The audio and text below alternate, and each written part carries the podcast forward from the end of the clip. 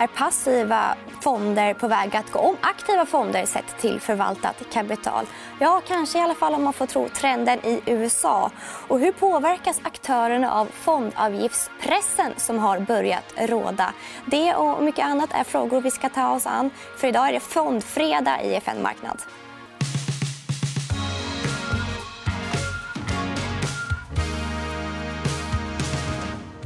Det ska vi göra med hjälp av Maria Landeborn. Men först en liten marknadskoll. Varmt välkommen också, Maria. Ja, tack så mycket. Kul att vara med. Hur mår marknaden?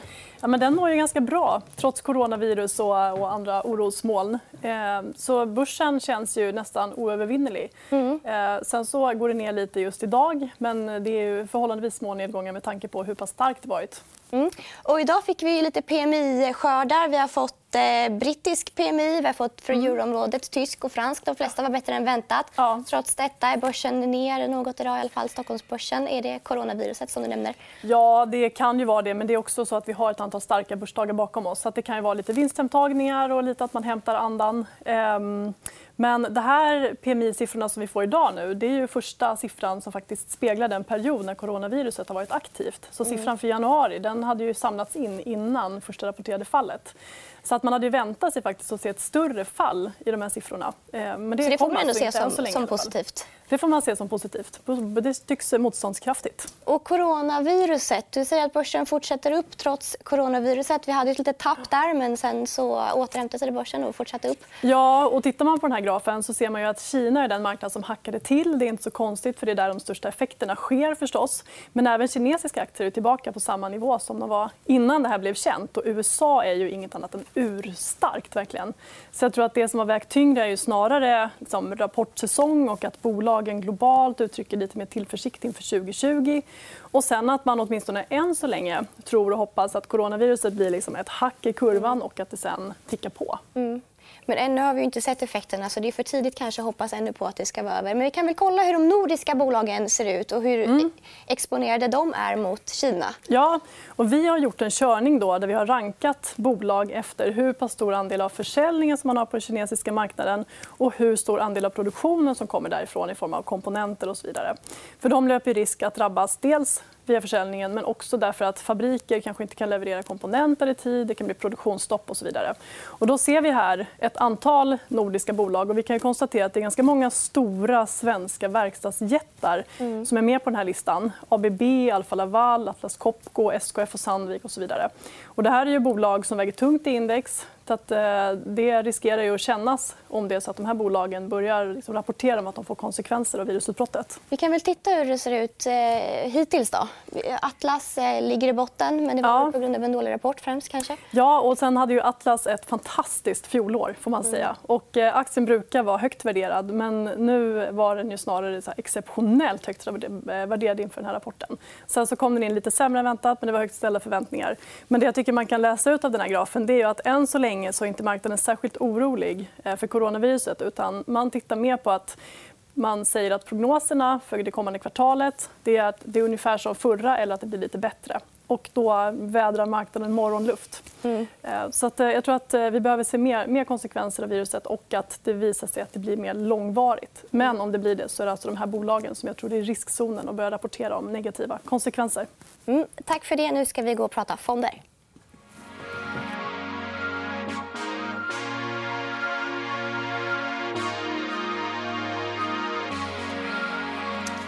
Ja, Maria, det är fondfredag idag. Alltså. Ja. Och fonder är ju någonting som eh, de flesta spararna har men vi pratar mm. alldeles för lite om det i studion, tycker jag. Eh, och du har tagit med dig några fallgropar som man ska försöka undvika. Ja, precis. Eh, jag har två stycken saker som jag tror att många ofta tittar på. Det ena handlar om hur en fond har gått. Alltså att man tittar på avkastningen. Och det andra är att man letar efter fonder med låga avgifter därför att man inte vill att den ska äta upp avkastningen på lång sikt. Eh, och båda de här skulle jag vilja säga riskerar att leda fel eh, om man tillämpar dem fel. För dels när det gäller då en fond som hamnar i fondtoppen, som gärna publiceras. Eh, då kan det handla om att Fonden kanske har investerat i mer liksom verkstadsbolag som till exempel gick väldigt starkt under förra året. Så Att fonden gått bra kan bero på att den har den typen av bolag. Medan en fond som då, så att säga, ser dålig ut den kanske har en mer defensiv inriktning. Mm.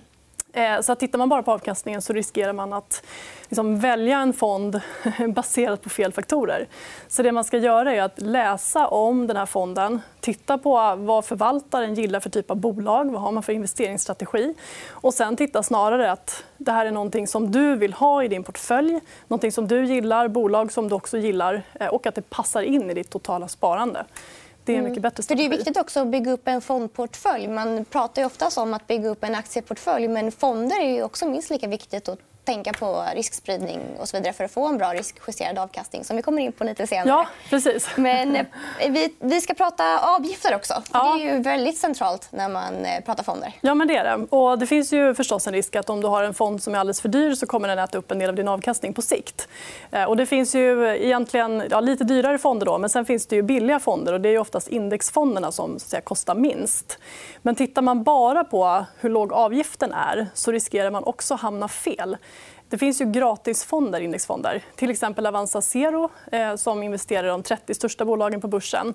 Och det är en fond som inte har kostat någon en krona i avgift. Men däremot så skulle jag vilja säga att den har kostat väldigt mycket för spararna i form av utebliven avkastning. Därför att du inte får exponering mot småbolagen på börsen, de mindre bolagen. Och kollar man på avkastningen över tid så har de mindre bolagen gett en betydligt högre avkastning än de stora. Så ligger du bara med OMXS30 så kommer du missa avkastning vart efter tiden går. Så då måste man komplettera också. Till exempel med en småbolags eller fond eller någonting som då eh, adderar värde till de där 30 största bolagen. Mm, så återigen, se över din fondportfölj. Och när vi ändå är inne och pratar om indexfonder, vi ska prata om passivt versus aktivt. Det har vi fått många frågor om på Twitter, ja. bland annat från eh, ska vi se vem det var som skickade in det. Det var Solbritt Invest som hade en fråga om det. Mm. Hur ska man tänka där, tycker du? Passivt eh, förvaltade fonder eller snarare indexfonder. För De är inte så passiva. egentligen. Det sitter faktiskt en förvaltare och viktar om och, och försöker följa någonting där bakom. Eh, men indexfonder är en jättebra bas tycker jag, i sparandet. Och handlar det om att man ska ha en global fond till exempel så finns det absolut eh, goda skäl att välja en, en indexfond. Men återigen, det finns också skäl att titta på vad varje indexfond innehåller. Så att det du vill ha det är en bred indexfond. Ju fler bolag som finns i fonden, desto bättre. Sen kanske en indexfond som investerar Eh, brett i många fler bolag kostar dig 20, alltså 0,2 mer eller 0,3% mer. Men det kan det vara värt just därför att du får exponering mot fler bolag, mindre bolag och att du då får högre avkastningspotential och att du faktiskt minskar risken på sikt med bättre riskspridning. Mm, och passiva fonder det är inte bara indexfonder som följer ett index. utan Det kan även ha en passiv fond som har en, en strategi som någon har satt upp som handlar eller passivt fast aktivt mot den strategin. Ja, det kan det så vara. Man ska inte förknippa indexfond, alltså göra ett synonymt däremellan. Nej, det ska man inte göra. Utan det, återigen så gäller det att läsa på om vad är det faktiskt den här fonden gör och sen så jämför liksom, hur många aktier inkluderar den och vilka, vad är det den följer för någonting. Mm, och om vi kollar till USA, till exempel, där har ju faktiskt de passiva fonderna gått om de aktiva. Ser man 1998 här så var ju aktivt eh, fonder betydligt vanligare. Det var mycket större kapital där i. Men nu har det faktiskt mm. passiva kommit i fatt. Och. Tittar man förra året så har det faktiskt gått om. Ja. Tror du att det är en trend vi kommer få se i Sverige? Det tror jag. Sverige brukar faktiskt följa ganska väl i spåren på vad som händer i USA. Och vi har ju sett här också att mycket av det nya kapital som placeras det går ju just till indexfonder. Det går in i indexstrategier. Så att mycket kapital hamnar där och jag tror att det kommer bli mer och mer. Ehm, men återigen, jag tycker att för den som börjar spara så finns det all anledning att se över vad man faktiskt får och tänka på att det man kan missa i en indexstrategi det är mindre bolag. Därför att ofta är likviditeten sämre så att du kanske inte kan följa ett index med småbolag. Mm. Utan då måste du addera aktiv förvaltning också. För vad en, en vanlig indexfond gör är ju faktiskt att köpa mer av de bolag som går upp och sälja av de som går ner. Ja, exakt. Eh, så där, Man kallar det för liksom dumma pengar. Eh, men de, de bryr sig inte om huruvida en aktie är liksom för högt värderad eller varför den kommer in i ett index. Nej. Eh, utan man köper den om den är där. helt enkelt. Och en annan sak som är jättestort i USA är ju ETFer, vilket vi har mm. fått mer tittarfrågor på. Eh, och det är inte alls lika stort i Sverige. Många försvann ju med Mifid. Det var många som var tvungna att ta bort mm. amerikanska ETFer till exempel. Vad, ja. tror du att det kommer komma tillbaka? Ja, men jag tror att det finns en stor marknad för ETFer. Jag tror att den också kommer växa. Och det är ju i vissa fall ett alternativ till ett fondsparande. Men där gäller det också att titta på vad det är för någonting som ETFen innehåller eh, och sen så också se till att man då inte kanske köper en, en eh, belånad ETF, alltså en med hävstång så att man får mer risk än vad man har tänkt sig. Utan de kräver också lite mer kunskap. Men sen finns det fördelar också. Att du kan handla dem eh, dagligen om du vill det. Ehm, så får man betala lite spreadkostnad och ett courtage. Då. Så att de fyller lite olika funktion. tycker jag. Och man kanske vill ha lite mer risk. Man kanske vill ha lite mer risk. Man kanske vill ha lite, mer spekula lite mer spekulativt så kan man vilja ha en Men då får man vara medveten om det. Men när vi pratar om risk så pratar man ju om Sharp-kvot. mm. eh, Sharp-kvot är ju förhållandet mellan avkastningen och risk mm. i en fond och ett av de vanligaste måtten man använder när man tittar på fonder. Och det har vi mm. fått en fråga om. Vilken Sharp-kvot har de bäst presterade fonderna? Ja, och den frågan skulle jag vilja säga, den går inte att besvara. nästan. Därför att dels Om man ska jämföra sharp quote mellan olika fonder så måste man dels vara säker på att man jämför samma typ av fond så att du inte jämför äpplen och päron. för Då kan det bli fel. Det andra då, det är att en fond kan ha en hög sharp quote under en kortare tidsperiod. Så att tittar du på säg ett, två år då finns det fonder som kan ha sharp quote på säg en och en halv eller till och med högre än så. Vilket är väldigt högt. Vilket är väldigt högt. Men om man då tittar på en längre studie, det finns en studie i USA som har gjorts av Sharp-kvoten. Då. Och tittar man då när man börjar komma upp i tio år eller längre då finns det inte någon som klarar av att leverera en liksom, Sharp-kvot över ett hållbart. Utan då sjunker den ner där under. Så att på lång sikt så kommer den inte ligga på säg 1,5% eller 1,5 bara för att du råkar hitta någon som, som har det nu. Nej, det är väl typ George att... Soros och de som lyckas ja. få långsiktigt över en sharp-kvot. Och som du säger, det är lite missvisande att titta på en tioårig sharp-kvot nu kanske i och med att vi har haft en bullmarknad i tio år. Ja. Så man ska titta längre så man får hela konjunkturcykeln. Och lyckas man ja. gå långsiktigt få över ett så är det väldigt bra. Precis. Sen så ska man också tänka att jag tror att många kanske använder till exempel Morningstar som verktyg. och Där använder man 36 månader, vilket är en förhållandevis kort tidsperiod. Så att man måste liksom läsa på lite grann. Jämför inte bara sharp quote, utan läs på. Vad är det för någonting? Hur lång tidsperiod är det jag tittar på när jag tittar på en sån siffra? Och sen eh, eh, fatta beslut utifrån det. snarare skulle jag säga. Mm.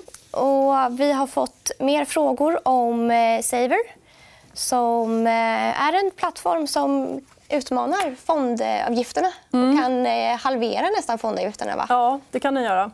Och det här är ju en, en, ny tjänst på den svenska marknaden. Jag tror att den här kommer bidra till prispress både bland plattformar eh, som, som Nordnet och Avanza för svensk del men också bland bankerna. Eh, och det Saver gör då, det är ju att, om vi antar nu bara som ett exempel taget i luften, men säg att du har en fond som kostar dig 1,5% så att kanske fondbolaget tar hälften av den för förvaltningen och sen så behåller då plattformen Eh, resten. Så att Nordnet och Avanza då, till exempel, har ju inte haft lägre avgifter än vad du fått betala hos storbanken. Utan det har ju varit samma avgift, men hälften av dem behållit utan att ge någon rådgivning. Då, till exempel. Men tittar man på Saver så tar de en avgift. Den är 9 punkter, alltså 0,09 ehm, och Resten får du tillbaka av den här provisionen. Den betalar de tillbaka till dig löpande. Så att det här är en liksom, stor kostnadsbesparing, speciellt om du har ett större innehav i fonder. Och jag tror som sagt att det här är bara början. Det här kommer leda till ökad eh, prispress och eh, i slutändan så kommer det gynna spararna via lägre avgifter. Mm. Och avslutningsvis då, vi har inte hunnit med alla frågor. Vi har bland annat fått en del frågor om eh, räntefonder och mm. eh, FRN-fonder. Men jag tänker att de tar vi upp i ett annat program. För Vi kommer fortsätta att ha den här typen av format Fondfredag. Kanske inte varje fredag, men någon gång ibland. Så fortsätt att ställa era frågor om räntefonder så tar vi upp dem. Någonting vi däremot kan svara på är fondrobotar. Det är ekonomiskt tips som undrar om fondrobot är det värt eller inte. Ja, men jag tycker det. Jag sparar själv delvis i Fondrobot. Mm. Och ja, det här är ju en tjänst där du både kan få en, en, anpassning i din risknivå mellan obligationer av olika slag, företagsobligationer med mera och aktier. Eh, och där den rebalanserar och gör en massa saker åt dig till en låg kostnad. Så absolut, jag tycker att fondrobotarna är bra. Men se till att välja en också som har liksom en bra riskspridning, fler tillgångslag gärna. Ehm, så att du får så, att säga, så bra riskspridning som möjligt. helt enkelt. Mm. Tack så mycket. Jag tycker att eh, vi återkommer till fondsnacket. Helt ja, enkelt. Tack så mycket. Att prata om. Det gör det. Tack Maria Landevål. Och vi är tillbaka igen på måndag. Då gästas vi av Stefan Dalbo. Och resterande vecka ser ut som så här. Det är Kristina Salberg, Johan Thorén, Jonny Torssell och Helene Broman. Så in och ställ era frågor redan nu till oss på EFN Marknad. Tack så mycket.